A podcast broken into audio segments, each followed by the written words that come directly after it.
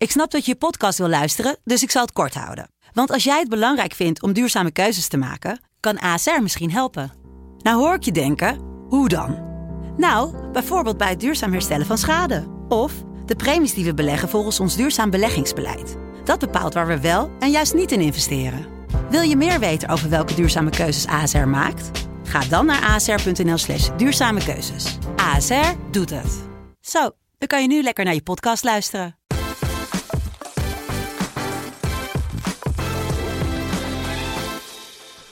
Hallo, leuk dat je luistert naar alweer een nieuwe aflevering van de Voetbalpodcast. Mijn naam is Erik Edias en ik zit hier natuurlijk weer met Jimmy Driessen, Hey, hallo. maar zonder San Planting. Ja, nog steeds in Kiev? San is eh, nog steeds met vakantie, dus dat is Ja. lekker. En eh vorige week waren we er even niet. Heel simpel, Sam was er niet en eh, een van ons die kon niet. En ja, ik kon wel toevallig. Ik, maar ja, ik ga niet in mijn eentje een uur vol praten. Nee. Ik zou het wel kunnen, denk ik. Ja, maar het is altijd al de grote Erik show. Ja, Ja, maar, nou, voor wie is dat leuk? Als je een uur lang in je eentje gaat praten, ja. ja, ik ga het niet terugluisteren in Ik ieder ben geval. het erg met je eens, Erik. Nou, mooi, Erik. Gaan we door naar het volgende. Dus goed, eh, goed gedaan, Erik. vandaar, nou ja, daar hou ik natuurlijk wel van. Maar goed, eh, daarom waren we er vorige week niet. Maar eh, nu zijn we er gewoon weer wel. Ja. En we zitten weer bij FC Afkikken in de studio. Mocht jij nou ook denken van, ik wil een podcast opnemen... kan het bij FC Afkikken zitten in Amsterdam-Oost. Eh, schitterende studio hier. Je kan een colaatje uit de koelkast pakken, een fantaatje. En eh, die gasten helpen je met alle technische vragen die je hebt. Want eh, die hebben wij nog alles, Jim? Ja, onze voetbaltechniek is dan misschien wel goed, maar de rest qua Ja. podcasttechnieken is Ja, nu laat de wensen over. Nu Sam er niet zit, zeker natuurlijk. Oh, nou, nou, alsof Sam het technische genie is. Nee, dat bedoelde ik juist. Hij Oh. zit toch altijd in de B4 en zo. Oh, oh zo. Ja, oké, we gaan de, lekker beginnen. De, de grote Sam Roast podcast. En eh, in Nederland begin je maar bij één pot, hè? Eh, Fortuna Heerenveen? Nee, man. Oh. Kuipie, Ja, nee, ja. zondagmiddag, vlaggen, fakkels, De topper. rookpotten. Ja. Wat een sfeertje was daar, hè? Ja, en ja, wat was PSV ervan onder de indruk? Nou, inderdaad, want die waren echt onherkenbaar. Ja, nou, het, eh, ik zit me dan af te vragen, heeft het te maken met toch die Champions League inspanning door de week, waar ze na de winter geen last meer van hebben. Maar ik denk dat we ook vooral eh, voornamelijk Feyenoord de credits moeten geven. Zeker eh, de eerste 20 minuten en eigenlijk wel eigenlijk de eerste, eerste helft. Eh, ja, Feyenoord deed een aantal dingen echt goed en PSV ja, wat, wat dingen fout. En Ja, ja, het, het, het- ik had het niet verwacht, maar ja, het was bizar. ja en PSV had eigenlijk ehm, duidelijk een beetje een afwachtende houding. Terwijl Feyenoord, ja, dat is een beetje makkelijk misschien, maar die klapte er vol bovenop. Ja, en- Echt op de ouderwetse manier druk zetten, de tien stap door. Ja, Feyenoord dur- durfde, Oh, man. durfde door te dekken. En dat scheelt Ja. ook natuurlijk dat je, dat je Botteguin en Van der Heijden niet samen had. Mhm, ja. Want, want ja, met die twee heel ver doordrukken Mhm. is te traag. Ja, hoewel ik Van Beek ook niet super goed vond spelen, maar Nee, maar die, maar die is wel een stuk sneller dan Botteguin natuurlijk. Dus je kan iets meer druk vooruit zetten. Ja, en ik vond het gewoon heel opvallend. Kijk, die manier van druk zetten, die kennen we in Nederland al, al hoe lang? Vanaf het van eh, Ajax van Van Gaal misschien al. Ja. Van de tien stap door. En in zijn rug stapte er een middenvelder ook door. Maar En in theorie had Pereiro de vrije man moeten zijn bij PSV. Zeker in die openingsfase. Maar die, die zat gewoon totaal niet in de wedstrijd. Die werd niet gevonden. nee, En, en Feyenoord had steeds de bal weer terug. En ja, als je de hele tijd de bal weggeeft, ja, dan sowieso kom je nooit in de wedstrijd. qua duelkracht. eh, Het was exemplarisch hoe eigenlijk eh, Luc de Jong Ja. continu alle duels verloor. Maar ik denk dat het belangrijkste tactische was, is eh, Lozano. Mhm. stond in principe stond hij rechts buiten, maar ging heel snel naar het midden toe. Eigenlijk als soort tweede spits voetballen. Eh, daardoor kreeg Malasia sowieso al vrij spel. En het feit dat en Pereiro en eh, Lozano beide niet terugverdedigden, leverde het steeds een overtal situatie op eh, richting de, de backs van Mhm. eh, PSV. Want op een gegeven moment moest PSV een keuze maken. Eh, Dumfries komt steeds verdedigend in een 1 op 1 of een overtal zelfs. Ja, toen gingen ze switchen, ging het blok kantelen. Maar ja, toen kwam het op rechts, eh, op- voor PSV op links. Bij Angelino kwam het weer een overtal. En Ja, eigenlijk hebben ze de sterkte van PSV, wat normaal gesproken de opkomende backs zijn, ja. hebben ze en geneutraliseerd en een defensieve zwakte van gemaakt. Nou, ja, dat zeg je gewoon heel mooi. Want Feyenoord die pakte gewoon steeds zo snel eh, de bal af... dat PSV zelf niet aan het voetballen kwam. En in balbezit hadden ze ook een duidelijk plannetje. Dus weet je, we hebben hier in deze podcast heel erg vaak... maar dan ook echt heel erg vaak... en met name ik gezegd, Gio had niet een plannetje... maar nu, ja, ik vond er goed uitzien. Het was het, voor, voor deze wedstrijd was het het perfecte strijdplan. Ja, maar ik denk dat dit ook is wat Feyenoord moet doen tegen PSV en Ajax. Ja. Gewoon niet afwachten, want daar heb je de verdedigende kwaliteiten niet voor.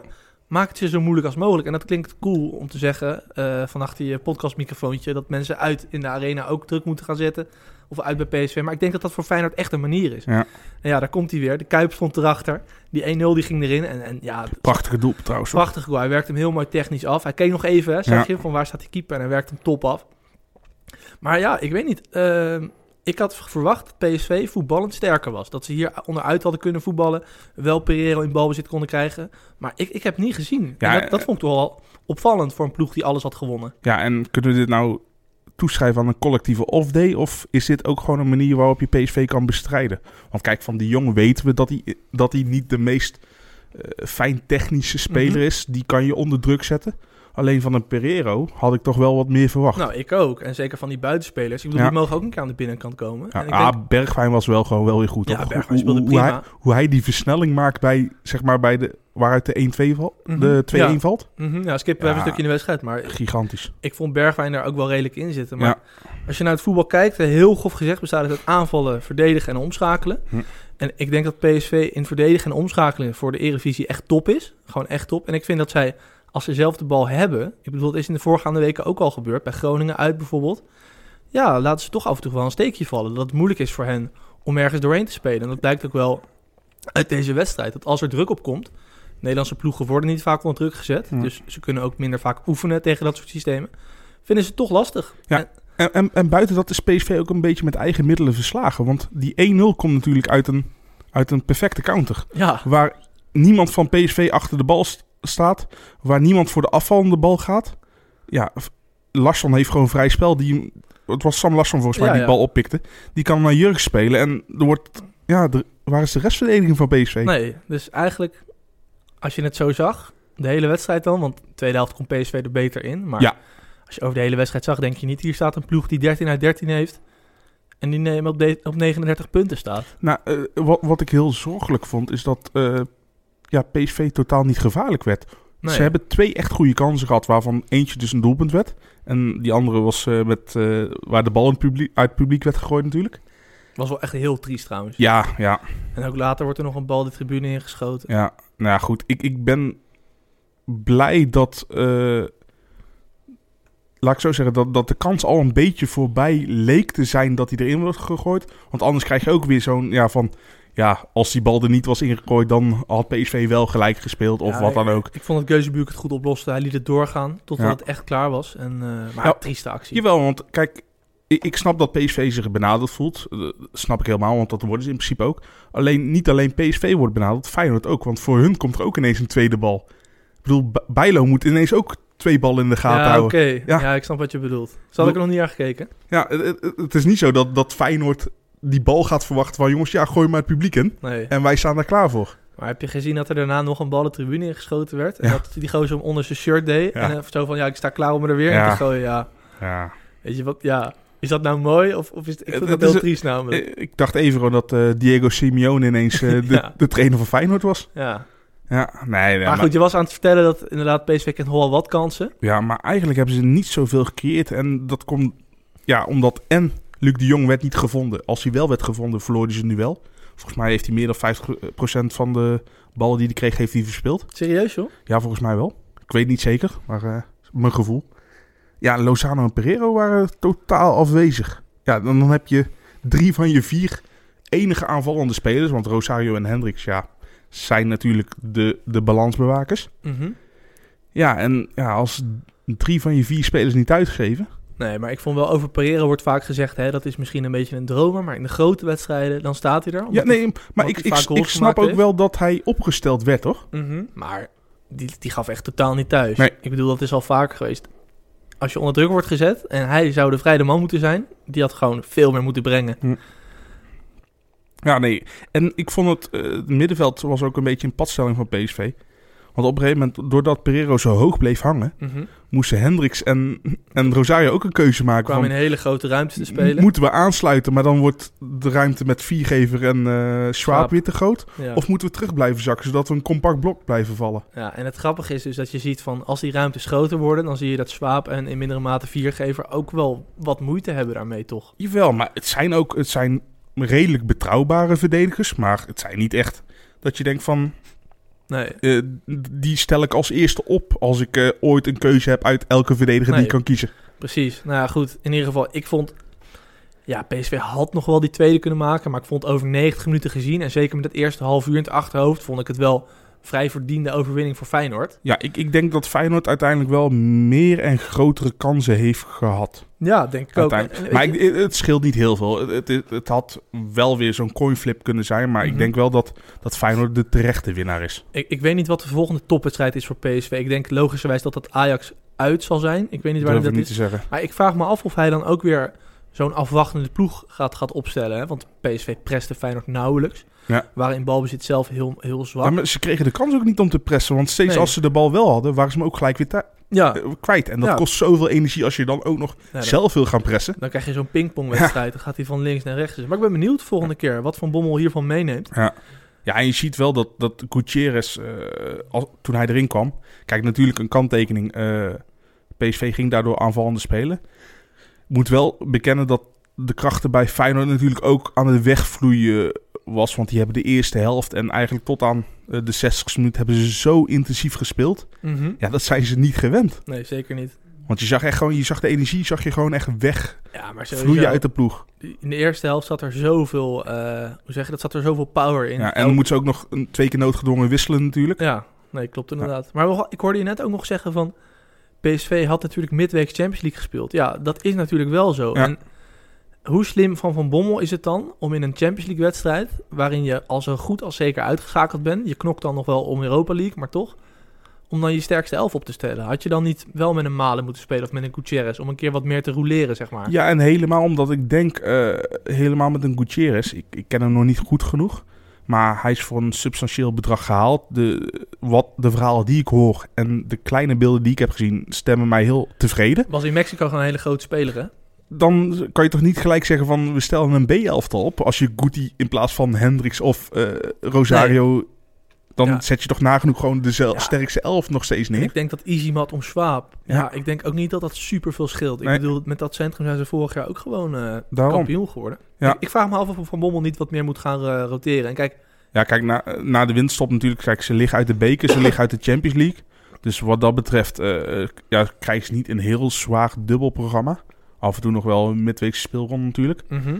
Maar ik, ik denk wel dat het dingetjes... We hebben het al eerder behandeld in deze podcast natuurlijk. ja, kijk, ze hebben natuurlijk geen spierblessures. Dus je kan niet zeggen van eh, het is dom, hij moet veel roteren. Nee, nog, nog niet. Nee, oké, maar goed, we zitten inmiddels in december. Ik bedoel, als, Van als er iets fout was geweest met zijn trainingsopbouw of iets dergelijks, hadden we daar wel al wat van gemerkt, denk ik. Ja, ik heb geen idee. Maar eh, ja, wat ik wou zeggen. Ik vraag me een beetje af waarom je dan de elf sterkste opstelt tegen Barcelona. En dan niet. Ja, to- toch nog voor die laatste kans willen gaan. Ja, nou, zoiets dus blijkbaar. Ik bedoel, het is echt opvallend. Kijk, Kijk. bij Ajax hebben we natuurlijk het grote. Hè, dat hebben we ten al heel vaak horen zeggen. We hebben 15 basisspelers. En die kan ook misschien eh, wat makkelijker roteren, met name achterin. PSV bijvoorbeeld niet een tweede rechtsback of zo. Nee. Maar eh, ja, opvallend verschil tussen Ajax en PSV. Eh wil ik nog één ding zeggen over Feyenoord. Feyenoord heeft nou eh 29 punten uit 14 wedstrijden. Ja, kunnen, kunnen met de inhaalwedstrijd tegen VVV natuurlijk op 32 komen. Die is donderdag. Oh, ze 29 uit 13 dan. Ah, dat kan ook. Ja, hoor, ze hebben, één, ze hebben één wedstrijd Ze minder gespeeld. is de, de, licht... eh. Maar in ieder geval, dat wist ik niet. Want dat wordt die pot donderdag gespeeld. Ja. Oh, dat het licht uitviel natuurlijk. Ja. tuurlijk. Man, die hebben we ook nog goed geanalyseerd toen, hè, die wedstrijd. Dat het licht uitviel. ze hadden controle totdat het licht uitviel. Ja, nee, precies. Maar eh, als Feyenoord zo doorgaat, ze hebben nu een puntengemiddelde van ongeveer 2,3. Komen ze aan het eind van het seizoen komen ze echt op een prima aantal uit van 75 punten. En dan word je nog steeds derde mee. word je nog steeds derde. Maar ik wil daarmee alleen aangeven van... We hebben vaak kritiek gehad op Gio en het spel wat Feyenoord speelt. Maar qua punten gaat het tot nu toe gewoon prima. Jawel, maar ze hebben natuurlijk ook nog steeds... Ze hebben, ja, gisteren dan niet, maar ze hebben normaal, normaliter de klasse van Verpersie. Je hebt Berghuis, wat gewoon nog een van de beste buitenspelers in de competitie is. Ja. Hoe een Vilena gisteren... Vilena was erg sterk. Ja, dat, dat, leek wel zo'n Duracell konijntje. Die Ja, was die overal gaan. te vinden, inderdaad. En als, als ze dit elke week, deze intensiteit kunnen vasthouden... Ja, dan, dan is het gewoon echt een prima ploeg. Maar nog steeds denk ik dat het gat met PSV en Ajax kwalitatief... ja, te groot is. zowel van de eerste elf op bepaalde posities... Als in de breedte al helemaal als in de breedte natuurlijk. inderdaad. Dus Ja. ja, en... eh, Maar goed, AZ hebben we nu een tijdje gezien. Die zijn echt een beetje aan het klooien. Eh, Vitesse, weet je, er zijn ook niet echt ploegen die ze echt gaan uitdagen voor die derde plek. Nee, en ze zijn ook helemaal dit weekend zijn ze de grote winnaar van Ja. de best of the Maar- rest. Alleen dan doen we Feyenoord er wel weer mee tekort, vind ik. Nou ja, dat is gewoon frustrerend. Ik Ja. denk dat gat naar 1 en 2 is heel groot. En dat gat naar, naar 4 en 5, dat gaat ook redelijk groot worden aan het eind van het seizoen. Ik bedoel, dan zit je een beetje in het midden zo. Ja, dat is toch ook niks? Spelen voor de beker. Ja, nou, daar zijn ze heel goed in, Ja. toch? Ik bedoel, eh, dat gaat het seizoen weer redden waarschijnlijk. Ja, maar eh, ik zit me af te vragen inderdaad. Van, kijk, natuurlijk, qua puntaantal is, is Feyenoord nog lang niet kansloos voor het kampioenschap natuurlijk. Maar zullen er mensen zijn die Feyenoord supporter of niet, die echt gewoon daadwerkelijk erin geloven Nou, dat... ik denk het niet. Nee. Ik bedoel, als je Ajax PSV ziet spelen, dat is gewoon niet realistisch. Nee. En Feyenoord staat straks weer uit ergens, eh zal ik even denigrerend zeggen, in de provincie, waarin het weer fout gaat en ze met nul punten naar huis gaan. Ja, Ja. dat is ook gewoon een heel realistisch scenario. Dus Ra- ja, Rare ploeg. ja, rare ploeg. Maar ik denk die aanpak die ze gisteren hebben gebruikt, ja, het werkt wel voor ze. Ja. Er zitten heel veel spelers in die wel eh, eh, hun taak heel goed hebben uitgevoerd. Ja, maar Berghuis zei, zei wel- had wel echt het gevoel van, toen, toen hij een interview na afloop zat, Mhm. van er zit zoveel meer in de groep. En Nou ja, Kijk, natuurlijk is dat een hele populistische uitspraak, want dat soort dingen doe je als je het even matig hebt gehad en ineens weer het goed doet. Maar ik, ik, ik ben benieuwd. Ik vind, ik vind er te weinig echte kwaliteit in zitten. Buiten een Van Persie, een Filena en een, nou, ik vind het en een, eh, en een Berghuis Ik vind het met name achterin vind ik het heel dunnetjes Ja. hoor. Wat daar rondloopt. Dus iedereen die basis staat. Ik vind, vind Justin wel aardig. Ja. Die zou een centrum moeten wat mij betreft. Maar ik zie daar echt de grootste verschillen met, Ja. eh, met hun Ja, en concurrenten. kijk, ze missen natuurlijk Haps al vrij lang. Al doet. Malasia het niet slecht natuurlijk. nee, maar Maar die begon heel sterk. Maar er zit wel Ja. een verschilletje tussen Malasia en Haps in mijn ogen. ja, en helemaal als je het vergelijkt met wat, wat Ajax en PSV op linksback kunnen neerzetten op dit Ja. moment. Nou goed, PSV tegen Excelsior volgende week. We gaan het zien. Eh, ja, het zou me ook niks verbazen. Als Vrijdag volgens mij, hè? Eh, weet ik niet. Ja, volgens mij vanwege de volgens mij is dat verplaatst of zoiets. Ik weet niet meer precies waarom. Maar, de Champions League. Ja, maar ja, wel bizar. PSV kan niet meer door. Ajax is al door. Ja, ja, zesde ronde Champions League voor Nederland. Eh, saai competitie. Hartstikke saai. Ja, over Ajax gesproken, die winnen thuis van ADO. Ja. Eh, wil, ja, wil je daar iets over zeggen? Eh, ja, dat het, dat het vrij makkelijk ging was een understatement. Ja. Ik, ik zie en hoor wel heel veel verhalen van ja, het had 8-1 kunnen zijn. Ja, aan de ene kant ja, kan wel. Aan de andere kant ja, je scoort nooit al je 100% kansen. Kansen missen gebeurt gewoon nog heel vaak.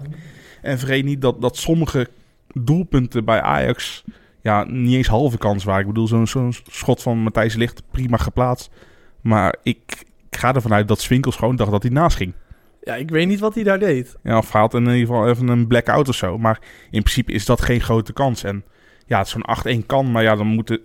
Maar je hebt ook gewoon geluk dat dit soort kansen wel tot doelpunt worden gepromoveerd. Dus uiteindelijk de grote gemiste kansen en de kleine benutte kansen... heft elkaar wel weer redelijk op, denk ik. Ja, Ik- maar goed. Ja, Ja, maar ja, voor de rest, ja... eh, ADO heeft, Ajax mist Ziyech en wint 5-1. Ja. ja. ADO heeft één, op het begin één counter gehad. Dat was de eerste kans van de wedstrijd. Met eh Becker en Lorenzen. Ja, en een vrije trap. Wat, ja, ja, of het een vrije trap is, geen idee. Maar ja. hij schiet hem er heel mooi in trouwens. Maar hij is... nou of- ja, goed. Ja, ik vond het een prachtig doelpunt. Ja, tuurlijk. Maar ja, dat, dat is ook... Ik had vroeger een trainer die zei, ja, als iemand dat doet, moet je gewoon klappen. Ja. En eh, ja. Ja. nee, maar ik, ik had ook zoiets... eh, Zoals jullie weten, ik kijk eigenlijk altijd gewoon lekker vanuit het bankje dit, eh, op de tv. en terecht. En ik had ook wel zoiets van, ja, mooi doelpunt. En ik eh, zie het nog steeds wel 4-5-1 worden. Ja. Ja, maar dat is toch ook, weet je, exemplarisch dat je dan, eh, weet je, vanuit je supportersperspectief, de tegenstander maakt 2-1. ja, en ik- Dat, dat jij echt nul spanning hebt Ja. van, nou, misschien wordt het nog 2-2 of zo. Ja, ja, nee, totaal niet. nee. Nee, en, en ja, dat was ook niet ongegrond natuurlijk. Want ik denk dat ADO Den Haag voor de rest geen kans meer heeft gehad. Nee, ik wilde even twee dingen uithalen nog. Eén ding een beetje serieus, een ander ding wat minder serieus. Zinkgraven is terug. Ja, leuk. Ehm, mensen die deze podcast vaker luisteren weten dat wij Tagliafico een prima back vinden in het verdedigende. En Sam en ik wat meer dan jij, Jimmy. Dat we hem aanvallend nog wel eh, wat stappen vinden kunnen maken. Nou, Ja, Zinkgraven. Hij viel gisteren niet in als back, maar als aanvallende middenvelder. Dus Ja. ik vraag me af hoe Ten Hag hem ziet. Wat- Wat denk jij daarvan? ik denk eh, dat hij gewoon nodig, eh, dat hij gewoon wordt neergezet waar hij op dat moment nodig is. Ja, maar ik denk niet dat Ten Hag een trainer is die een middenvelder Mazraoui op rechtsback zet. Een middenvelder Zinkgraven op linksback. Nee, maar dat zou je dan wel weer, eh, als je gaat roleren, zou je dan wel weer kunnen, kunnen, kunnen switchen natuurlijk. Door misschien straks als een Veldman weer fit is, Veldman rechtsback en Sinkgraven linksback. Wanneer is zodat- Veldman terug? Eh, hij traint alweer met de groep mee, dus Oh ja. nee joh. Ja, dus ik denk eh, dat het na de winterstop wel... Maar die gaat Ja. niet in de basis, denk ik. Nee, er is geen noodzaak. Ik zie, ik zie geen plaats waar Veldman nou zijn entree zou moeten nee, maken. maar dat... Ja, ik bedoel... Ik weet dat er heel veel kritiek is op Veldman. En ten dele snap ik dat ook wel. Ik eh, ben minder kritisch daarop. Maar het zegt wel iets over de breedte van Ajax. Van, we, we missen hem niet. Nee. Nee, inderdaad. Ik vind het alleen sneu voor die jongen zelf. Want zonder dit had hij gewoon een transfer gemaakt. Ja, waarschijnlijk En dat wel. was voor ja. alle partijen was beter. gewoon prima geweest ook. Ik bedoel, Ja. was hij twee aanvoerder geweest, niks mis mee en eh, naar het buitenland. Nog één ding wat wat minder serieus is, maar ik vraag me dat wel serieus af. Van, wat, wat schrijft die Aaron Winter allemaal op op de bank? Want Ajax speelt tegen ADO. Het staat 4-1. Maar gaan we nou ineens allemaal over briefjes hebben... nadat ooit een keer Ja. een briefje naar Virgil van Dijk tot eh, Nationaal Nee. Monument is gebombardeerd? Maar even serieus, er zijn twee opties. Of hij schrijft iets op, zodat hij het na de wedstrijd aan Ten Hag kan vertellen. Ik denk een boodschappenlijstje. Nee, maar even serieus. Ik vraag me dit echt af, want hij Ik- zit Pictionary schijnt hij goed in te zijn. een boter, kaas en eieren. Maar elke keer als die man in beeld komt, zit hij te schrijven. En dan Ja. denk ik van ja, als je dingen opschrijft die je opvallen, zou ik zeggen, kijk die wedstrijd terug. Ik bedoel, dan kan je het nog veel uitgebreider eh, terugkijken wat je allemaal gezien hebt. En als je iets opschrijft voor, om aan te nacht te vertellen, wat schrijft die man op? Nou, misschien is hij gewoon wel met een lief dagboek bezig. Ik ben er echt gewoon gebiologeerd. Nee, want, ik, ik, ik, weet- ik weet het niet. Mensen, als jullie dit wel weten, nou ja, de winterpapers, kom maar op. Ja. Ik, ik vraag de winterpaper. brace yourself, winter is coming. wat goed. Ja, Nee, ik, ik heb geen idee. nou ja, we kunnen het gewoon... eh, Wat zou jij doen als jij daar op de bank zat? Wat zou jij opschrijven? Niks. Nou ja, ik zou niet op.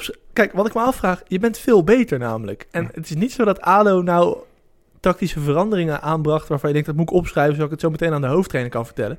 Ik zou die wedstrijd kijken. En ik weet niet hoe de rolverdeling bij de technische staf Ja, is, weet maar ik ook niet. ik zou af en toe zeggen van joh, misschien moeten we, we Blind wat meer laten inschuiven Ja. of moeten we Tagliafico wat meer naar binnen laten spelen voor de restverdediging, weet ik veel. Maar ik zou dat niet allemaal gaan opschrijven. Maar ik, ben hierdoor geïntegreerd, dus... eh, Misschien neemt hij de bestellingen voor de rust op. Mochten we het neefje van Winter als luisteraar hebben... of iemand die eh, dicht bij Ten Haag staat... ja, kom maar op, want ik ben eh, hartstikke benieuwd hiernaar. Ja, ik wat minder, maar ik eh, doe wel mee voor de vorm. Nee, maar jij kijkt toch ook elke week? Ja, je ziet hem toch ook elke week schrijven? Ja. wat is dat, joh? Ja, dat is, is toch niet verboden? Zeker niet. Eh, gaan we het blokje afsluiten met één ploeg... die een beetje onder de radar is gebleven in mijn ogen. Dat is Fortuna Sittard. Ik hoor daar echt niemand over. Eh, Ja, jou? ja, mij nu. Nou, mooi. Voor, eh, voor de luisteraars van deze podcast. Maar die doen het gewoon hartstikke goed. Die staan tiende. Die hebben een doelsaldo van 27 voor, 27 tegen. Betekent dat er in een wedstrijd bijna gemiddeld vier goals vallen. Dus mocht je een keer veel goals willen zien. Voor de neutrale kijker helemaal leuk. Ja, hartstikke leuk. Het was toevallig Fortuna Sittard Herenveen. Dus wat ook zo'n ploeg is ik- wat ik zat- veel scoort en tegen Ik gaat zat een beetje klaar voor de 6-3. Maar ja, dat dan is valt niet, het eh, tegen, ja. Nou ja, vier goals alsnog. Ja. Dat is boven Maar- gemiddeld. Ja, maar tegen het gemiddelde aan. Maar Ja, je ver- verwacht met deze twee ploegen, Ja. verwacht je 6-5. Ja, Met Abel Enstra in een glansrol. Ja, met Abelenscha in het Abelenscha stadion. Maar eh, ja, Fortuna Sittard staan tiende. Ze hebben dan verloren van Heerenveen. Nou, prima, kan gebeuren. Maar Ja. het is niet zo dat dit... Kijk, we zitten niet in, eh, in september of zo. Het is bijna winterstop. We zijn 14 wedstrijden onderweg. Het is een van de meest scorende ploegen in de Ja, Eredivisie. nee, hè? zeker. En ze hebben er, wat ik net zei, eh 27 voor, 27 tegen. Nou, dan ga je kijken van, is dat ergens op gebaseerd? Of maken ze al hun kansen af en missen de Ja, tegenstander er- alle hebben ze veel geluk of niet? Ja, nou, dat noemt dan, heet dan met een mooi woord natuurlijk expected goals. Ik denk dat alle luisteraars wel inmiddels weten wat dat is of niet. Expected Eh, goals? nee, maar leg het nog eens uit. Expected goals is eigenlijk de kwaliteit van jouw kansen. Dus als jij 10 keer schiet, eh, dan kan je dat 10 keer van buiten de 16 doen. Maar dat is een stuk minder effectief van 10 keer van binnen de 5 meter. Ja. En over een heel seizoen gezien zal je ongeveer evenveel goals maken als je expected goals aantal doet vermoeden. Ja, Dus- ten- tenzij je een geluksfactor of juist voor je Ja. of tegen je hebt. Dus het is een beetje een manier om eh, voetbal op een eerlijke manier te kwantificeren. En als je naar de expected goals van Fortuna kijkt, zijn hun goals voor, komt redelijk overeen, staan ongeveer op 23. En de goals tegen komen ook redelijk overeen, staan ongeveer op 25. Dus ze staan gewoon waar ze horen. Ze staan ongeveer waar ze horen te staan. En ja, als je naar die ploeg gaat kijken, eh, ik ga niet allemaal uitspraken doen die ik niet hard kan maken, maar er zit daar een Turkse eigenaar. En sinds die er zit, eh, komen er een stuk betere spelers. Dus Ja. tel uit je winst. En ze hebben daar gewoon aardige spelers. Kijk, Stokkers, Vin Stokkers is gewoon best wel een groot talent.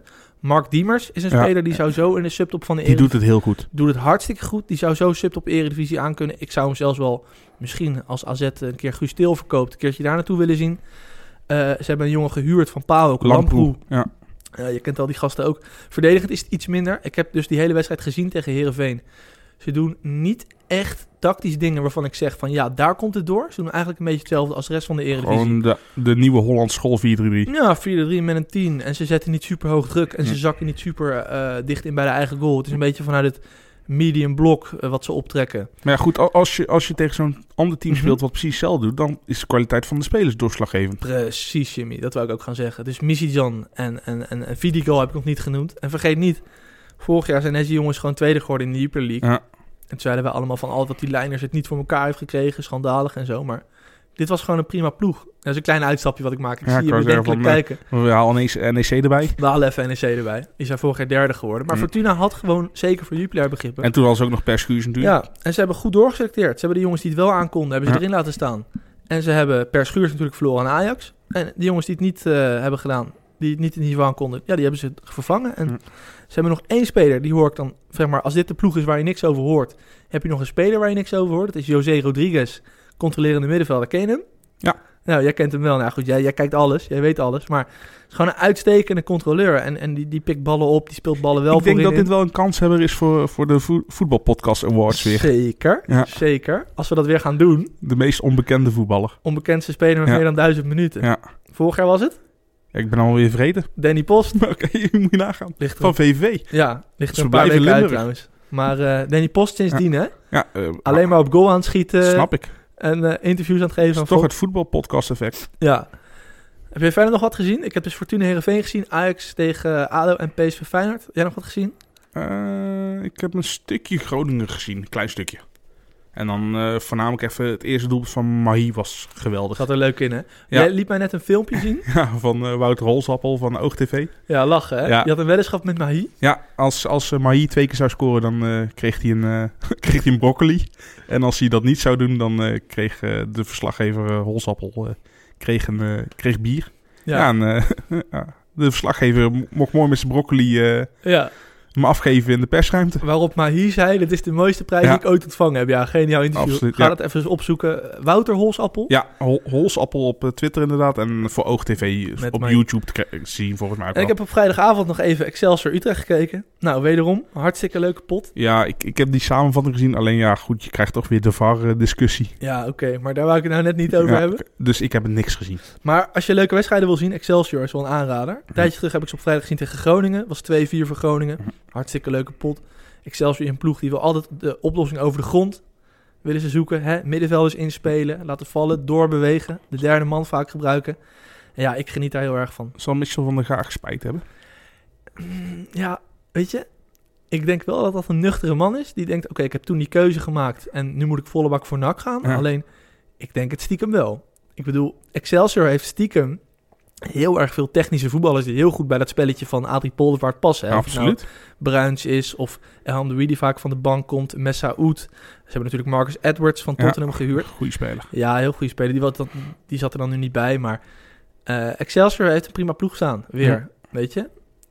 Maar goed, moeten wel punten gaan pakken. Ja, nee, ik bedoel, uiteindelijk eh, koop je niks voor alleen leuk spel en Nee. weinig punten. Maar ik verwacht wel dat ze erin blijven. Ja, zullen we naar buitenland gaan? Prima. Mooi zo. Ja, ik heb dus, wat ik net zei, ik heb vier wedstrijden Eredivisie gezien. Ik heb voor Between the Post, heb ik Lille Lyon gekeken. Daar ga ik de luisteraar niet... eh, ik denk niet dat heel veel mensen daarop zitten te wachten. was wel een leuke pot er overigens. Met Depay en Tate in de basis. Maar eh, ik heb... Oh, mocht Teten weer spelen? Ja, heb je misschien die, die zaag gezien van Rafael, eh, de rechtsback van eh, Lyon? ja, ja. Die is drie Ja. weken is eruit. Of vier weken is misschien wel schorsing.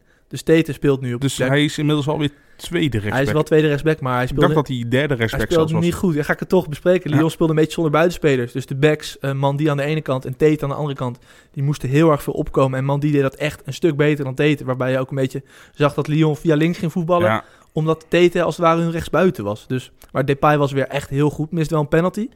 Dat zullen veel mensen wel gezien- assist op Traoré. Ja, echt heel goed. Echt heel goed. Lyon is ook een leuk. Maar, maar volgens mij heeft hij ook echt al iets van 15 assists of zoiets. Dat is echt... Wie? Depay? Ja, Oh, weet ik niet. Weet volgens mij over het kalenderjaar dan. En volgens mij is dat echt met Payet en ik denk volgens mij Messi Ja, de enige die zulke cijfers kan Ja, weerleggen. Volgens mij staat hij qua schoten ook echt heel hoog. Maar Ja. goed, eh buiten, ja, ik heb dus verder niks gezien. Misschien heb jij dat?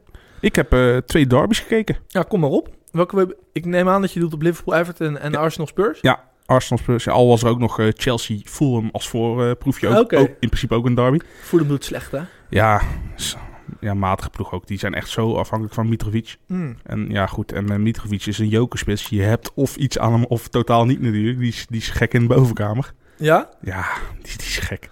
Maar, maar goed, laten we even naar de Noord-London Mhm. derby gaan. Eh, ja, leuk. Kom ja. maar op. Wat voor pot was dat?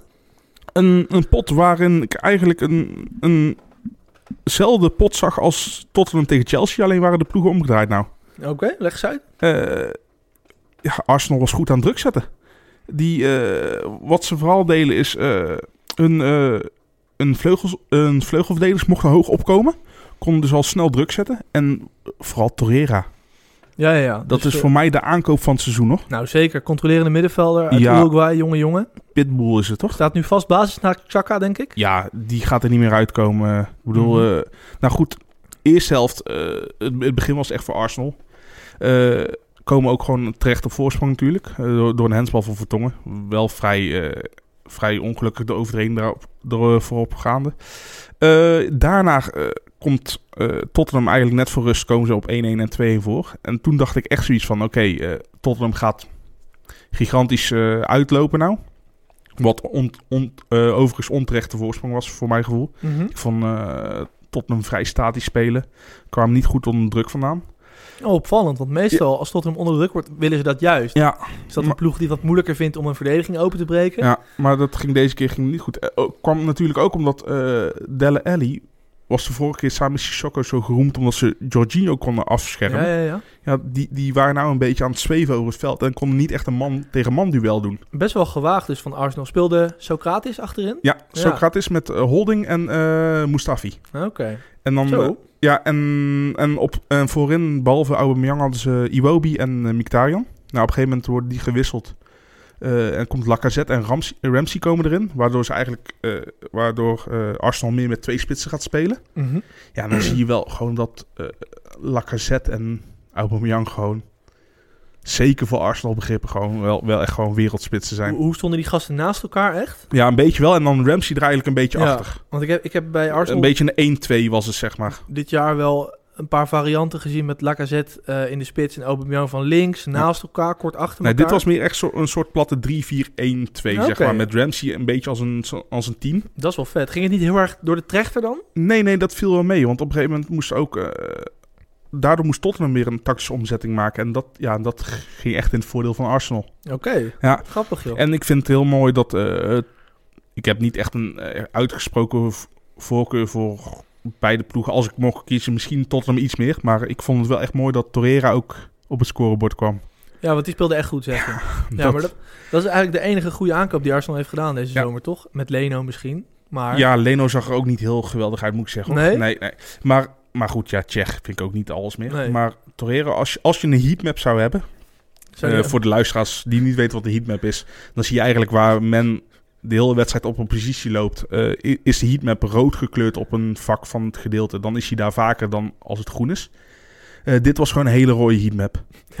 het hele veld was Ja, rood. ja, eh, eh, ja ik, ik, ik, ik dacht echt van die moet daar naar de, naar de drugstest. Want die, die, die heeft wat geslikt, jongen. Oh, dat soort spelers heb je wel nodig Ja. als je druk gaat zetten de hele wedstrijd. Helemaal omdat eh Saka natuurlijk wel een stuk trager is. Is, is wel solide, Mhm. maar is wel ja, is echt een, een beetje een, een, een leopard tank af en toe qua, qua bewegen. Een dieseltje. Ja, en dan is zo'n Torreira is echt... Ja, die, die gaat niet meer uit de basis. Maar meer dan terecht overwinning voor Arsenal, zeg jij? Ja. Oké, nou wel interessant. Ik bedoel, Spurs staat nu volgens mij vijfde wel nog. Ja, ze staan volgens mij nu gelijk en Arsenal op doelsaldo staat boven. Ja. Nou, Ja. Al moet ik zeggen, ik heb ook de onderliggende cijfers een beetje bestudeerd van Arsenal. Mhm. Zijn ze nog steeds samen met Tottenham, zijn ze wel aan het overachieven. ja, ja, ja. Dus de kansen gaan er nog wel iets te makkelijk in, Ja, ja, naarmate hoe groot de kansen zijn. En ze krijgen iets, ze krijgen iets minder tegendoelpunten tegen dan daadwerkelijk zou moeten. Ik heb op Reddit eh, een stuk gelezen over Arsenal. Dat eh, zeker tijdens die, dat ze tien keer achter elkaar wonnen. En, Dat er heel veel gestolen overwinningen bij zaten, Ja, echt wel gewoon. was gisteren niet het geval. Nou, top man. Dat is toch Nee. leuk? Ik bedoel, ja, dat soort wedstrijden, daar doe je toch voor. We hebben vaak de Premier League hebben we onder vuur genomen. Als Ja. ik lees zes goals en ik hoor van jou dat het een mooie wedstrijd was met veel energie erin. Ja. Ja, stelde zeker niet teleur, nee. Nee. Nou, mooi. En die ander, die was wat saaier, hè? Ja, Liverpool-Everton. ja en eh, het heel sneu is eigenlijk... Pickford kon de man van de wedstrijd worden samen met Alisson Becker. eh keepte beide echt een, echt een wereldpot. Want het was 0-0. Ja, ja, tot de 95e minuut denk ik. Ja, ik heb de samenvatting gezien Ja, en, inderdaad. en toen eigenlijk, eh, ja, Virgil van Dijk, die... eh, ja, laten we eens even gewoon naar de wedstrijd zelf gaan, Ja, voordat we bij de Nou, anticlimax ja, ik kan komen. dus niks zeggen, dus kom maar op. Ik heb alleen vanochtend een stukje online gezet van iemand die dat geschreven heeft. En ik kan wel tactische dingen vertellen, maar ik heb de wedstrijd niet gezien. Ja, uiteindelijk vind- vond ik Liverpool wel echt verdiend hebben gewonnen ook. Want een, een counterpressing was gewoon wel weer on point. Mhm. Alleen, ja, ze hadden gewoon een staande weg met Pickford. En, Ja. en ik moet niet zeggen dat ze gigantisch veel kansen hebben gehad. Mhm. Want eh, de grootste kans was voor Shakiri, die hem uiteindelijk met rechts binnenschiet. Althans niet binnenschiet, maar wil schieten en, en, en mist. Maar ik denk wel dat, eh, dat het geen gestolen overwinning is uiteindelijk. Nee. En die eh, redacteur van ons, die zei eigenlijk dat Everton wilde voetballen van achteruit. Ja. Wat je tegen Liverpool misschien ben je heel erg moedig als je dat eh, Ja. probeert. Daar kwamen een paar grote kansen uit, schreef hij. En op het moment dat Everton dat minder ging doen, meer de lange bal ging spelen, zei hij dat Liverpool echt een, een matig aanvalsplan had. Ja. Met weinig uitgespeelde kansen. Ja, want je kan, je kan veel minder goed pressen dan. Ja, maar ook heel... Kijk, dat middenveld wat je opstelt, dat is er natuurlijk wel om die hoge press erin te gooien. Ja. Er staat niet per se de creatievelingen op. Nee. En hij zei, eh, ik, ik heb gelezen dat, dat vooral het, zeg maar, heel vaak de bal erin pompen. En als hij dan eruit viel, hem dan wel weer terug, snel terug hebben. Dus Ja. dat je wel veel op Everton's helft was, zonder daadwerkelijk grote kansen te creëren. Ja, het werd niet gevaarlijk En de, uiteindelijk. en de grootste kans die ze hadden was in de 96e minuut door een blundertje van Pickford. Ja, ja, het was eigenlijk niet eens een kans natuurlijk. Want, want eh, voor de luisteraars die het niet hebben gezien, het, het, het was een... eh Virgil van Dijk wil een soort afgeslagen bal, wil die, wil die, wil die binnenvolleyen. Eh, Mhm. met, met- echt met een halve, halve volley. Maar die raakt hem zo verkeerd dat het een of andere vuurpijl omhoog gaat, richting, richting de doel. Richting Ja. het doel. En eh, ja, dus hij valt net over het doel lijkt te gaan. Ik weet niet of die achter was of niet. Maar ja, goed, Mhm. ze hebben geen VAR of doellijntechnologie daar volgens mij. Nee, zeker Dus- niet. Want voor mijn gevoel was hij er echt al achter. En Pickford die springt met beide handen omhoog richting de, achter de doelpaal. En wipt hem weer naar voren. Nee joh. En daar staat, eh, ja, wie kent hem nog? Origi, Divock Origi, Ja. zeker. de Belgische speler. Die, die, ja, die, die, ja, die laat dit buiten... Die, zelfs hij mist dit buitenkantje niet. Want hij had volgens mij sinds eh, mei 2017 niet meer voor Liverpool gescoord. Of, of in de Premier League. Hij is, eh, natuurlijk, hij is natuurlijk ook uitgeleend aan Wolfsburg geweest. Dus dan is het lastig scoren in de Premier League. Maar eh, ja, dit was een, was een kans voor open doel. En degene waarvan je denkt, die zal nooit de held van de Merseyside Derby worden, wordt het wel. En uiteindelijk is Pickford de slimiel. Is toch mooi ook voor zo'n gozer. Ja. Rare carrière had die Origi. Want die, op het WK 2014 scoorde hij een goal voor België. Ja. Maakte hij een grote transfer naar Liverpool. Ja. En sindsdien helemaal niet meer gezien eigenlijk. Ik weet niet of hij nou 2, 3, 24 is of wat ouder al. Ja, De Bundesliga ook niet overtuigd. Nee, nou, maar misschien is hij ook gewoon niet zo goed. Nee, ja, dat kan inderdaad. Maar goed, het is niet zo dat... dat eh, ik bedoel, Liverpool heeft een geweldige basis. Maar het is niet zo dat wat erachter zit qua centrale spitsen... Nee, Ik helemaal bedoel, niet. Sturridge is natuurlijk eh, lang niet meer de Sturridge die hij vroeger was. Ze hebben Solanke voor de rest. Ja, Ja. ik bedoel, dat was bij Vitesse leuk, maar... Dat, is, dat is geen Premier League niveau hoor, zo. Ja, en eh, misschien Premier League niveau nog wel, maar geen kampioenskandidaat nee, Premier League. Nee, zeker niet. En ehm, had jij eerlijk gezegd... eh, moet je eerlijk zeggen, had jij verwacht voor dit jaar dat in december het gaatje tussen Liverpool en City nog zo klein zou zijn? Eh, nee, had ik niet verwacht, maar ik denk wel dat eh, sowieso City de wedstrijden gemakkelijke, gemakkelijke kansen Mhm. creëert en met meer verschillende manieren kan winnen. Ja. ja, precies. Bij Liverpool is het meer het systeem dat moet goed gaan en op de individuen. City kan veel meer eh, vanuit balbezit kunnen die gevaarlijk worden. Eh, Vanuit, Manchester City is flexibel ja. als Barbapapa. Die kan allerlei soorten vormen wat is dat? aannemen. Ja, gewoon ze zijn heel. Het is een hybride ploeg. Ik ben van 1994. Ken je Barbapapa niet? Ik ben van 1994, jongen. Oké, nou goed. Eh, ja, google het even wat Barbapapa is. Dan, eh, dan weet je dat En wel. de mensen die niet gekeken hebben, moeten ook nog even Jordan Pickford zijn blunder kijken. Want het ziet er echt heel raar uit. Sneu. Ja, sneu. voor want, hij sp- speelde samen, net, net als zijn compagnon aan de andere kant, eh Alisson Becker, speelde ze uitmuntend. Ja. Hey, gaan we naar de mailback. Ehm, ja, meer dan 30 vragen Ja. kregen we binnen. Dus dat is wel tof. Maar... Is er binnenkort niet weer een interland weekend? Nee, Nee. dat is niet meer. Tot en met maart. Gaan we Hmm. nou doen alsof we dat jammer vinden ook? Ja, mooi man. Maar het is wel binnenkort gewoon kerstvakantie en Ja. zo. Ik bedoel, dan is er nauwelijks voetbal. Dan kunnen we mooi weer wat mailback. eh, Ja, maar goed. Lang van kort. We hadden via Twitter, mail, eh, DM's en noem maar op... hadden we meer dan 30 vragen gekregen. Ja, die gaan we natuurlijk niet allemaal doen. Eh, mocht je je vraag niet horen... dan eh, weet je ja, hoe dat komt. Dan hebben we hem gewoon eh, niet erbij gepakt. Misschien doen we hem dan nog volgende week. We moeten keuzes maken op een gegeven moment. Ja, ik ben, in het begin deden we alles. Dat was leuk. Maar ja, maar toen kregen we gewoon niet zoveel vragen. Nee, dat is het juist. Dus aan de ene kant heel veel liefde voor de luisteraars. Aan de andere kant, we moeten hard zijn. We moeten Ja, eerlijk zijn. en, ondanks dat we niet alles kunnen behandelen, blijf ze gewoon in, insturen. Want we vinden het wel gewoon echt leuk. ja, het is toch heel vet. Ja. jij zo'n vraag stuurt dat er 23 mensen daarop reageren. Ja. Ja. ik vind dat echt heel vet. Leuk. Eh, dat gezegd hebben, hebben we ook een beetje vragen weggelaten die we al een beetje behandeld hebben. Over PSV Feyenoord bijvoorbeeld. Over Ja. Feyenoord hebben we een paar dingen besproken. Dus, dat gezegd hebben, gaan we naar de mailback. En de eerste vraag is van Maarten de Groot. Wie is op dit moment de speler die jullie het meest frustreert? Qua, kan qua gedrag zijn of een speler die hele frustrerende keuzes maakt. Sim? Ja, qua gedrag denk ik wel echt eh eh, Tadic en Lozano. Oh, Ja, want het, het zijn klasse spelers, maar ja, hoe ze af en toe... eh, Laat ik zo zeggen, ik vind het knap dat ze af en toe moordaanslagen zo overleven en weer gelijk opspringen. Disclaimer, natuurlijk, het zijn spelers die behendig zijn en helemaal met Lozano is een drietrapsraket. mhm. Die kan je soms alleen maar op de- deze manier afstoppen, dus hij krijgt ontiegelijk veel schoppen. Maar af en toe denk ik ook van... mm, maar ik wist bij Tadic helemaal niet dat dat zo'n opgefokt mannetje was, als het ware. Ik had dat bij Groningen en Twente nooit echt zo gezien of zo, maar... ja, misschien ook nooit op gelet natuurlijk. Nee, ja, precies. En die ploegen kijk ook minder vaak naar Ajax, PSV en Feyenoord. Maar Kijk, en natuurlijk, eh, eh, het zal natuurlijk echt een hele grote over één kam scheren actie zijn. Maar vaak wordt het natuurlijk wel van eh, Balkan Boys eh, Ja. gezegd dat ze explosief zijn. En het is ook gewoon, als die wedstrijd begint, zullen jongens zich anders gedragen. Volgens mij is die Tadic buiten het veld Ja. een hele lieve, aardige gozer. Ja, Lozano is volgens mij ook helemaal geen verkeerde. Daarom. En, en ik snap het wel, maar het, het neemt toch een klein beetje van de vreugde Ja. bij me weg. Ja, ja, terwijl het zulke goede spelers zijn. Ja, ik bedoel, over, de, over een voetbalkwaliteit eh, Ja, hoeft niemand het toch oneens te zijn Maar- qua... nee, zeker niet. Eh, En jij? Ik, ik vind het zelf vrij frustrerend als spelers heel technisch zijn en heel goed zijn, maar heel weinig goals of assists hebben.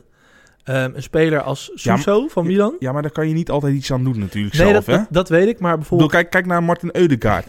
Die werd Mhm. vorig seizoen werd hij verweten. Want ja, je bent niet beslissend genoeg. Je hebt weinig assists. Maar ja, goed, als jij 20 gigantisch goede kansen creëert. en je spits er gewoon niet in schiet. Ja, ja, dan heb je geen assist. Nee, precies.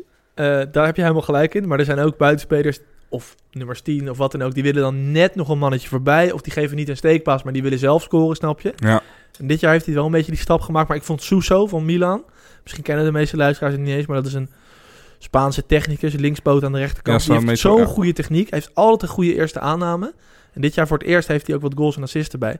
En wat ik heel frustrerend blijf vinden is Ziyech. Ze die, schoot. van 30 meter schiet. Terwijl Erik ten Hag is een trainer. eh, die heeft erover in zijn tijd bij Utrecht heeft hij gezegd dat hij dat niet wil. Dat hij heel die theorie erachter kent dat spelers niet veel van de afstand moeten schieten. En Ziyech blijft dat doen. En ik denk Ja. elke keer van ja, als je nou Het blijft een ruwe diamantie. ja, het blijft echt een ruwe diamantie. eh, voor de, dat is even voor de insiders. Maar ik storm me eraan. Als hij, kijk, ja, ik niet eens meer. Ik, ik, ben het, ik heb het geaccepteerd. Ik, heb- snap je volledig, maar ik heb het ik geaccepteerd. heb geen data gekeken, maar ik heb ook niet het gevoel dat het minder wordt of zo. Nee. Met Ziyech. Dat Nee. hij gewoon nog steeds vanaf 25, 30 meter die schoten pakt. Ja, wat, wat ik dan wel weer mooi vind, is dat Labiat zijn rol wel goed overneemt. Ja, Die, doet het ook vrij eh, trouwens, veel. niet, niet besproken. Laudiat speelde prima, hè? Eh, ja, was af en toe wel wat onzichtbaar. Maar dat is niet erg. Maar, maar die assist die hij geeft is grandioos. Viel tegen NAC goed in. Ja. Dus Ajax heeft gewoon echt een hele brede selectie. Ja. Volgende vraag. Johan van den Berg. Is Van den Brom nog de juiste man bij AZ? Ja, kijk, het is natuurlijk altijd heel makkelijk om te zeggen als het ergens niet goed gaat. En het gaat bij AZ niet goed op dit moment. Om dan te zeggen, hop, trainer eruit. Eh, om het even van een wat breder perspectief te plaatsen. Ik denk dat John van den Brom een prima trainer is voor de Eredivisie. Heeft wel altijd hetzelfde gevoel op met zijn teams. Hè? Daar gaan we weer. 4-3. I- Is het niet ook gewoon een- op een gegeven moment is zijn houdbaarheidsdatum. Kijk, hij, hij, hij doet net als Mourinho doet hij eigenlijk altijd een beetje een soort trucje. Ja, En eerste seizoen is goed, tweede seizoen Mhm. kan ook nog. Maar al zit Van der Brom nou relatief voor zijn carrière gezien lang bij AZ natuurlijk. ja. Eh, maar op een gegeven moment is het gewoon uitgewerkt, Ja, denk ik, ik. ik denk wel dat dat waar is als je lang dezelfde spelersgroep hebt. Ja. Maar in Nederland is het verloop zo groot. Ik bedoel, je weet, daar zijn eh je handbaks en, eh en Weghorst zijn weggegaan. Meer spelers zijn weggegaan. Weet je, Til en Koopmijners zijn vorig jaar echt doorgekomen. Nou, misschien gaan die deze zomer ook alweer weg. Ja, tweede seizoen zal het wel weer Tweede seizoen als iedereen op je gaat letten. Ja, precies. En Maar, heeft, vooral Til heeft daar last van. nou, zeker. Maar wat ik wou zeggen, van, ze hebben natuurlijk een hele goede assistent, Arne Slot. En die heeft ze vorig jaar wel iets anders laten voetballen. hè. Of het was nou een 4-4-2 ruit, of ze gingen met drie achterin spelen. Ik vraag me een beetje af hoeveel daadwerkelijk van Van de Brom is, wat we zien, en hoeveel van Arne Slot is op dit moment. Ben ik het helemaal mee eens, maar ik vind het dan ook wel heel erg makkelijk van... eh, ging het goed met de AZ, dan was het het werk van Arne Slot. Nou ja, dat punt wilde ik precies gaan En- maken. En nou gaat het slecht. Ja, Van der Brom kan er niks van. Kijk, wij hebben vorig jaar ook in die podcast gezeten. En volgens mij hebben we toen ook gezegd van ja, wat je nu ziet bij AZ is echt de hand van Arne Slot. Nou, dan moeten we nu ook zeggen. Ja, dit is ook de hand van Arne Slot. Ja, kijk, en als buitenstaander, ik sta niet elke week bij de training van AZ te kijken. Ik weet niet wie daar de veldtrainingen het is leidt. wel een Zaanstad, maar ik kom er nooit. Nee, jij woont vlak naast dat complex, toch? Ja. Weide Wormer is dat toch? Ja, zo ongeveer, ja. Ben ik nog een keer verdwaald in die wijk bij jou, maar goed. Eh, ja, nee, dus moeilijk te beoordelen. Maar als ik AZ was, zou ik na het seizoen zeggen... John, bedankt. Ik weet niet hoe zijn Ja. contract eh, in elkaar zit, maar... Ik zou het helemaal niet erg vinden als daar echt een jonge vernieuwde trainer uit Duitsland of uit Spanje of uit Portugal zou komen. En ik vind het ook wel bij AZ passen om zoiets te doen. Ja, ze hebben qua, qua directiekeuzes wel altijd Nou, precies. eh, gedurfd durven te zijn. Zou goed zijn voor de Eredivisie hoor. Ja. Volgende vraag. Pieter van der Ploeg heeft de voetbalpodcast aanvankelijk Pochettino en Spurs te veel veren in de reet gestoken. Hoe goed is deze manager? Ja, worden we even voor het blok gezet. Ja. Ik kan me alleen niet herinneren dat we heel vaak Pochettino heel positief hebben benaderd. Gewoon wel dat hij goed was, maar toch niet. Nee, sterker nog, ik zei altijd dat hij zijn spelers te veel in het rood liet Ja. gaan. Maar wie zijn een beetje de darlings van de podcast van trainers? Volgens mij Guardiola wel, door mij en Sam een beetje. Ja. ja, ik heb niet echt een... Nee, Ik, nee, ik- precies. Maar ik kan me niet herinneren dat wij nou Pochettino echt hoog op het podium nee, hebben nee, gezet. kijk, Spurs zelf wel. En kwalitatief is dat nog steeds wel echt een, een top 4 ploeg sowieso. Want dat hebben we in de preview ook allemaal gedaan. Nee, ja, En ik zie ze dit jaar nog steeds gewoon in de, in de top 4 eindigen. Maar deze vraag wordt nou ineens gesteld. Maar en vorige week dan? Ja, en volgende week, hè, Ja. als ze weer winnen. Want vorige week hadden hadden ze helemaal Chelsea met een tactisch plan helemaal Nee. ontmanteld. Maar goed, Spurs heeft van de top 6 wel eh, het minste geld in Engeland. En Nee, nee, geven bewust het minste uit. ja, maar ze hebben ook minder geld dan Arsenal of Chelsea natuurlijk. Ik, weet, ik weet niet of ze veel minder... Ja, Nee, goed, ze hebben door, echt een kijk, door, ja, door dat nieuwe stadion Nee, natuurlijk. maar ook gewoon, ze hebben gewoon minder omzet. Dat scheelt gewoon een, mil- een 100 miljoen of meer. Ja. Maar wat ik wil zeggen, we vergeten daardoor soms dat ze wel echt, echt hele goede spelers hebben. Ik bedoel, Kane, Eriksen, Ellie, Ja, en zijn- wereldtop. En ze zijn ook... eh, wat, kijk, Manchester City en, en, en Chelsea en nu ook Liverpool. Ja, Liverpool misschien iets minder. Die kopen spelers die al, die al echt goed zijn. Ja, precies. En zij Eh, moeten altijd nog een beetje ontwikkelen. En Juist. Zij moeten het doen met Lucas Moura, die van de boot afvalt bij Paris. Met een Ja. Serge Aurier. Nou, die zie ik ook niet in de basis staan bij Liverpool of zo. Die- Ja, die, die, was, die was trouwens wel weer drama in de Noord-London derby. Oh, ja, was jee. die slecht? Ja, Ja, maar kijk, daardoor... Ik vind het moeilijk om iets over Pochettino te zeggen, omdat hij is in het eerste elftal zijn ze echt heel goed, vind ik. Alleen ik vind die breedte wat minder. En Ja. ja maar eh, dat, eh, ze hebben ook dit jaar ook weer geen aankopen gedaan. nee, En ik denk toch dat je toch steeds om die groepsdynamiek een beetje Mhm. te, te, te, Te beïnvloeden, verversen, te zeg maar. verversen. Dat je gewoon, al is het maar één of twee spelers, dat je nieuw bloed nodig hebt. ja, maar ik vind wel Pochettino, als je kijkt naar een ploeg, je ziet een duidelijke stijl. Ja. En je ziet de hand van een trainer terug. Dus eh, ik vind dat een goede manager. En ja, wat mij betreft kan hij... Hij heeft natuurlijk afgelopen zomer een nieuw contract getekend bij Tottenham voor vijf jaar. Ja. Ik had het he- helemaal niet gek gevonden als Real Madrid een keer had gebeld Nee. en had gezegd... Ah, ik, ik hoop gewoon dat hij bij, bij Spurs blijft, al is het alleen maar voor de, de foto's die hij neemt altijd. ja, Als mooi, een nieuwe, nieuw contract eh, ondertekend wordt met de speler. Ja, dat is mooi. Dan gaat hij altijd als echte vader Ja. met zijn hand om. En bij Kane en Eriksen en zo zit hij met een trui en Ja. een overhemd. En als je een jeugdspeler bent, dan zit hij met een trainingspakje. Ja. Dat is goed, Dus hè? het zijn, eigenlijk altijd, het is eigenlijk meer zo'n zo'n zo'n reclamebord wat je neer kan zetten. En dan kan je de speler naast zetten. Het is altijd dezelfde foto. Ja, Dus voor als jullie het nog niet hebben gezien, kijk even een keer bij een contractverlenging van een speler van de Spurs of een nieuwe aankoop. misschien, Poch- zet ik, misschien zet ik het wel in de show notes. Ja, Pochettino die, eh, die doet altijd dezelfde houding. Ja. Heb ik laatst uitgevonden, de show notes. Oh, ja, nice. Dan kan je vullen op eh, Soundcloud. En dan zie je dat ook terug op, eh, op, eh, in de favoriete podcastplayer van de luisteraar. Zijn er mensen die dat echt gaan kijken? Geen idee. Gaan, gaan lezen? Geen idee. Ja, weet ik niet. Ik had laatst een heel verhaal getypt. Oh. Echt lang. Ik denk 600, 700 woorden of zo. En komt ook korter? Het kon zeker korter. Oké. Zoals het vaker korter kan. Zoals de overgang tussen deze twee vragen ook korter kon. Precies. Zullen we naar de volgende vraag gaan? Ja, laten we doen. Martin Visser. Ah, dat is een leuke vraag voor jou. Voor mij. Ja voor, ja, voor mij ook, maar ook voor jou. Martin Visser. Is de... Wel een lange vraag. Had ook korter gekund. Mand. Is de variant met Van de Beek op de plek van Schöne een optie die Ajax wellicht vaker tegen rechte rijtjesclubs moest hanteren? Met het achterliggende idee dat je wellicht meer hebt aan de diepgang van Van de Beek dan aan een tweede spelverdeler naast Frenkie. Schöne Frenkie Het voordeel daarvan is dat ze enorm goed onder druk kunnen uitvoetballen. Dat is niet echt nodig als je tegenover een handbalverdediging staat. Terwijl Van de Beek met zijn diepgang als extra mannetje rond de 16 de muur kan helpen slechten. Nou, Eh, leuke ik, vraag. ik snap het wel. Ik denk alleen niet dat het altijd heel verstandig is. Want wat je gaat krijgen... eh Frenkie zal dan iets vaker moeten uitzakken. Want normaal is Schöne een beetje de, degene die tussen de eh, twee centrumverdedigers gaat. Dus wat krijg je? Je krijgt Frenkie de Jong die gaat uitzakken. En Donny die Van de Beek die alleen maar naar voren gaat lopen. Ja, Dus je hebt op een gegeven moment heb je gewoon geen middenveld meer. nee, dat moeten ze niet doen. Maar ik denk wel, deze persoon bedoelt denk ik op de helft van de tegenstander. Want Ja, wat hij ook zegt. Kijk, Ajax, bouwt, Ajax valt natuurlijk aan met twee backs die heel hoog staan. Ja. Dus de restverdediging is vaak twee centrale verdedigers en twee middenvelders. ja en vaak de ene back nog iets hoger dan de ander. Precies, meestal waar de kant van de bal is.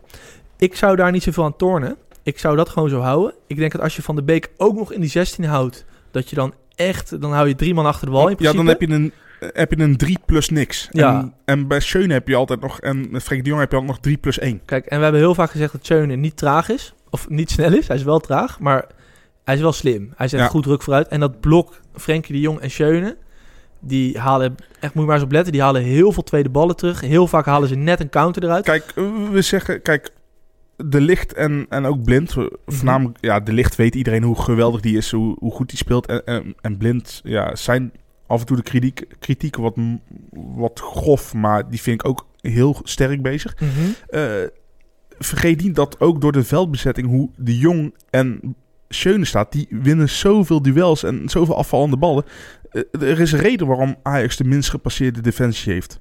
Ja, natuurlijk. ook door dat blok ervoor nog, wat, Ja. wat zowel voetballend goed is, maar verdedigend ook gewoon sterk is. Ja, en je ziet de licht en blind, die zie je ook op de goede momenten wel doordekken. Ja. Weet je, soms 60, 70 meter van de goal af. En dan kunnen mensen zeggen, blind is niet snel. Nee, klopt. Nee. wordt hij ook nooit meer. Maar hij vult het wel heel goed in, omdat hij gewoon super slim doordekt. En Ja. counters eruit haalt. Dus ik zou aan de bezetting niet zoveel veranderen. Waar we het over hebben met die restverdediging. Twee centrale verdedigers, twee controlerende middenvelders. Maar ik zou het niet erg vinden om Van de Beek wat vaker op de plek van Schöne te hebben hoor. Want Van de Beek kan ook prima pasen. Nee, Alleen mensen denken altijd dat Van de Beek, dat, dat, dat is een presser en het is een doelpunt te maken. Dat denken mensen vaak. nee, maar het, het is, hij kan prima voetballen. het is een... eh, eh, mensen vergelijken hem altijd heel snel met Davy Klaassen. Maar Davy Klaassen is echt nog als tien opgeleid. Donny van de Beek veel minder. ja, Donny van der Beek is, is technisch een stukje beter. Eh, wat ik wel zou doen dan, mocht je hem willen opstellen, dan zou ik liever, eh, als we even in het systeem, ik bedoel, systemen Ja. zijn natuurlijk niet, niet eh, de end of all, maar ze kunnen wel leidend zijn. Dan zou ik in ieder geval wel, in plaats van het 4-2-3-1 wat Ajax nou doet, zou ik 4-3-3 met de punten achter doen. Dat is echt zijn systeem, hè? Dan zou ik inderdaad Van der Beek op 8 en Ziyech ernaast doen. Absoluut. En dan de Jong op 6. Dat zou, Absoluut. als je dan toch Van der Beek erin wil zetten en eh Schöne niet, zou ik het op deze Nou manier ja, doen. vorig jaar was er een hoop mis met Ajax onder Keizer. Maar het middenveld, toen het begon te lopen met Schöne van de Beek en Ja. het stond Ja. gewoon prima. Daarom. Dus, eh, dus dat. Volgende vraag is van Petje FR. Petje FR, altijd leuke vragen. Komt-ie. Wat vinden we van het verschil in benadering tussen het Champions League seizoen van Feyenoord en PSV? Voor mijn gevoel was het een stuk kritischer tijdens het seizoen van Feyenoord. Ja, dat is wel een beetje zo. Ehm, mensen vergeten vaak dat de Champions League pool van Feyenoord Ja, ook gewoon. echt bizar goed was. Want- Shakhtar, eh, Napoli en eh, City. ja, nou, Manchester City was vorig seizoen de beste ploeg van Europa met Real Madrid.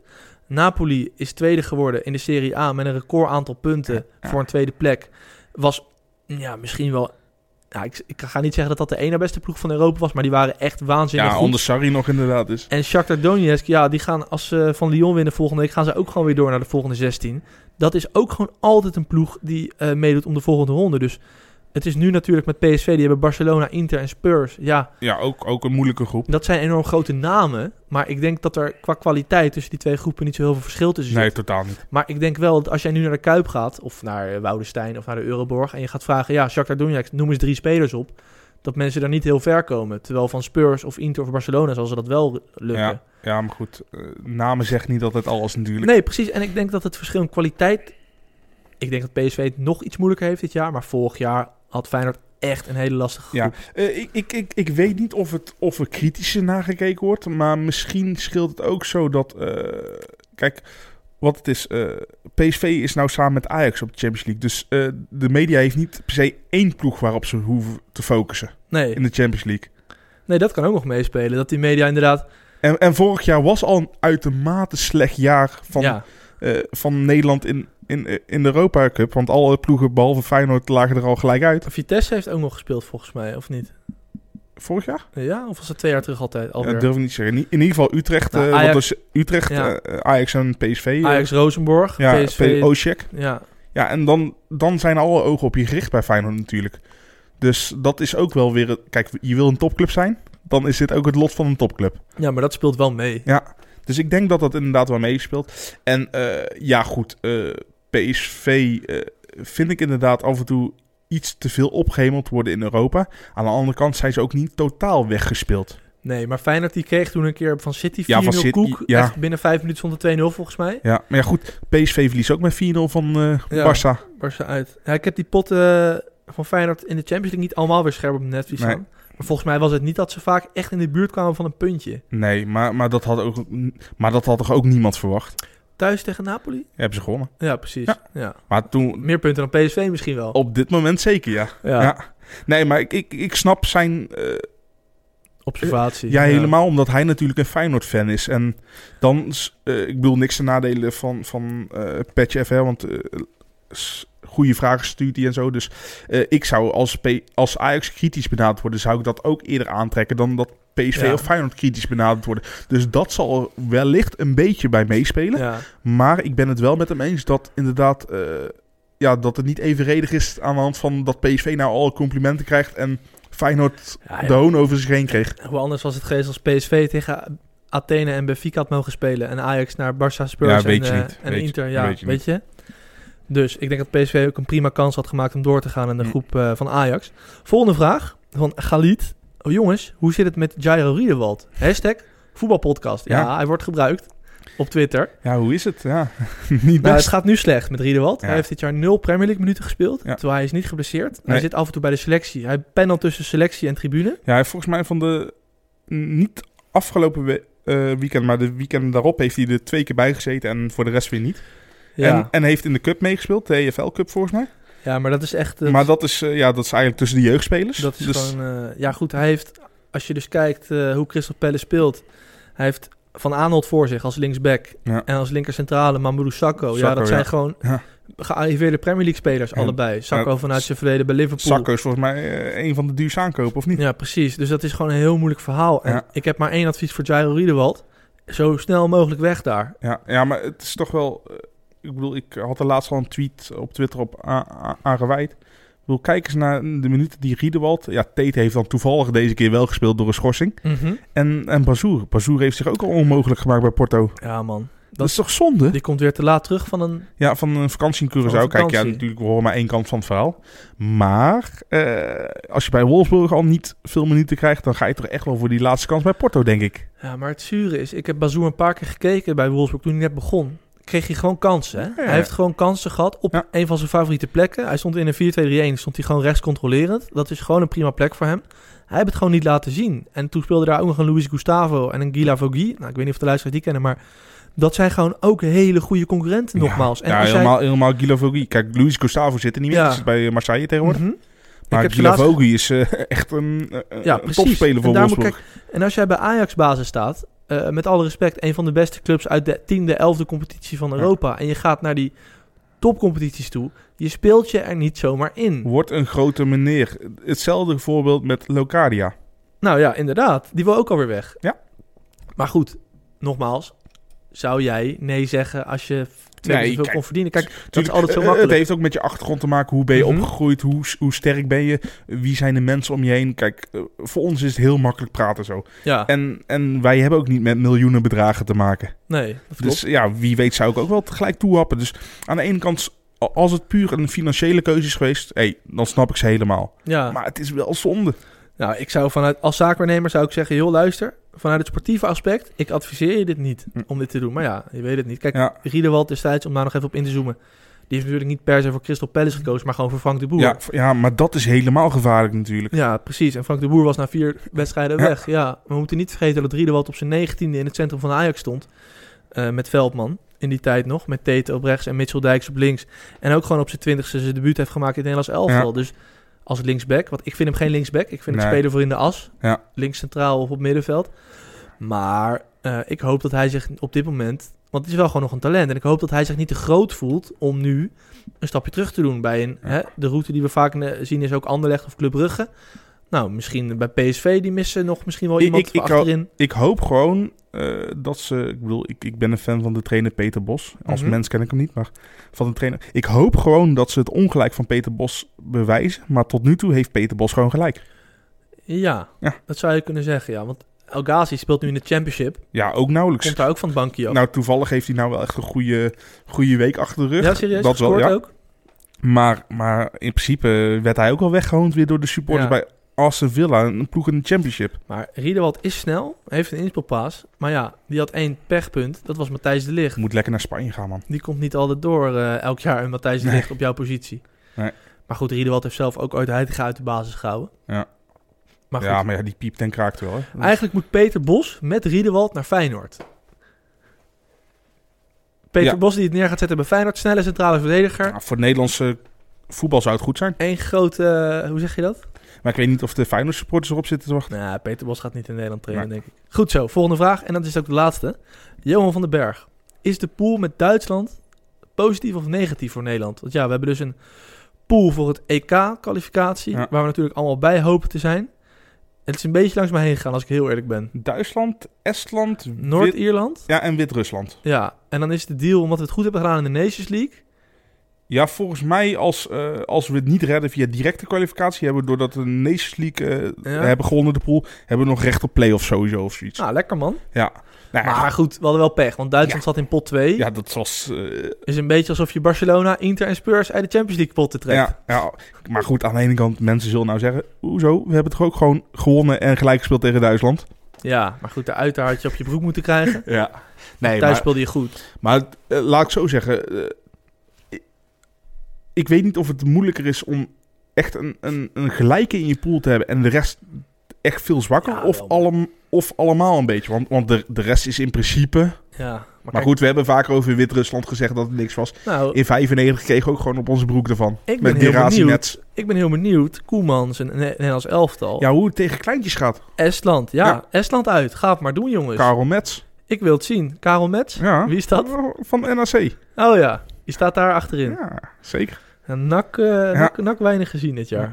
Nee, maar, maar dat is ook zo inderdaad. En, eh, maar ik denk gewoon dat uiteindelijk de wedstrijden tegen Duitsland doorslaggevend gaan. Ja, tuurlijk. Goed, de laatste keer dat ze bij elkaar in de pool zaten voor een kwalificatiereeks, gingen ze beide naar het WK toe. WK 90 zaten ze bij elkaar, eh, Joh. ja, volgens mij in Finland nog. Zaten ze in de, eh, toen was het nog West-Duitsland. Dus ik denk wel dat de geschiedenis gaat herhalen. Deze twee landen zijn Maar goed, Nederland via de play-offs. Daar word ik niet heel vrolijk van. Dus ik hoop dat ze het gaan doen. nou, extra eh, leuk wedstrijdje erbij. Playoffs, mij goede ervaringen. We nemen altijd op maandag op. Volgens mij loten ze vandaag voor die Nations League Final Four. Hebben ze al gedaan. En? Ja. Eh, Nederland moet tegen Engeland. Nee joh. Ja, en, eh, Echt waar? Ja, en, Lachen? Uit en thuis is dat, hè? mm, nee, volgens mij is het maar één wedstrijd. Oh. Ja. Ah, je bent een stuk beter op de hoogte dan ik. En want volgens mij, is dat, volgens mij zijn de halve finale wedstrijden 5 en 6 juni. En volgens mij de finale 9 juni of zoiets. En de andere halve finale is dan Zwitserland tegen Portugal. Maar is dat een neutraal terrein? Oeh, dat durf ik niet Ik bedoel, te of je zeggen. nou uit op Wembley speelt of thuis in de Kuip, dat is Ja. wel een verschilletje hoor. Ja, ja maar, nee, durf ik niet te zeggen. Ik denk gewoon dat het een neutraal terrein is. Ja, leuke wedstrijden. Ja. Gaan we waarschijnlijk tegen die Ja, tijd kant, analyseren. Zwits- Zwitserland speelt altijd op neutraal terrein. Ja. Ja. Slechte grap. Nou, als jij zo die podcast wil afsluiten, vind ik dat goed hoor.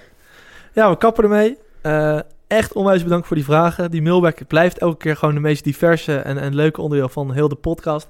Je kan ze insturen naar de voetbalpodcast.gmail.com. Eh, je kan eh, mij een DM sturen op Twitter. Ik heb eh, Instagram, Facebook. Het kan allemaal. Tot de volgende week. En, heel belangrijk natuurlijk, Jimmy, niet op je mobiel zitten. Ik hoor het helemaal kraken. Sorry, sorry. Heb jij trouwens een SO ingestudeerd? Dat doen we eigenlijk alleen maar door Sam, hè? Ja, zeker. Ik dacht geen Sam, geen SO. Nou, ik zit nou even te kijken hoe ik hem precies moet uitspreken. Serieus? Ja. Oh, dat was dat gekraak. Ja. Ja, voor de mensen die zich afvroegen waarom ik stilviel. Jimmy pakte zijn mobiel. Terwijl normaal gesproken staan we gewoon... Ja, want Een uur, anderhalf uur Moet ik op zijn Hebreeuws uitspreken of gewoon de, hoe we hem in Nederland kennen? Ja, op zijn Hebreeuws natuurlijk. Lijkt me ook. Nee, ik, eh, denk dat ik het toch op het Nederlands ga doen. Dus bij deze komt hij. Shout-out, Haim Mikralashvili. Ja, ja lach maar. Ik heb het dus niet voorbereid, dus ik heb geen SO. Tot volgende week. Hoi. Hoi.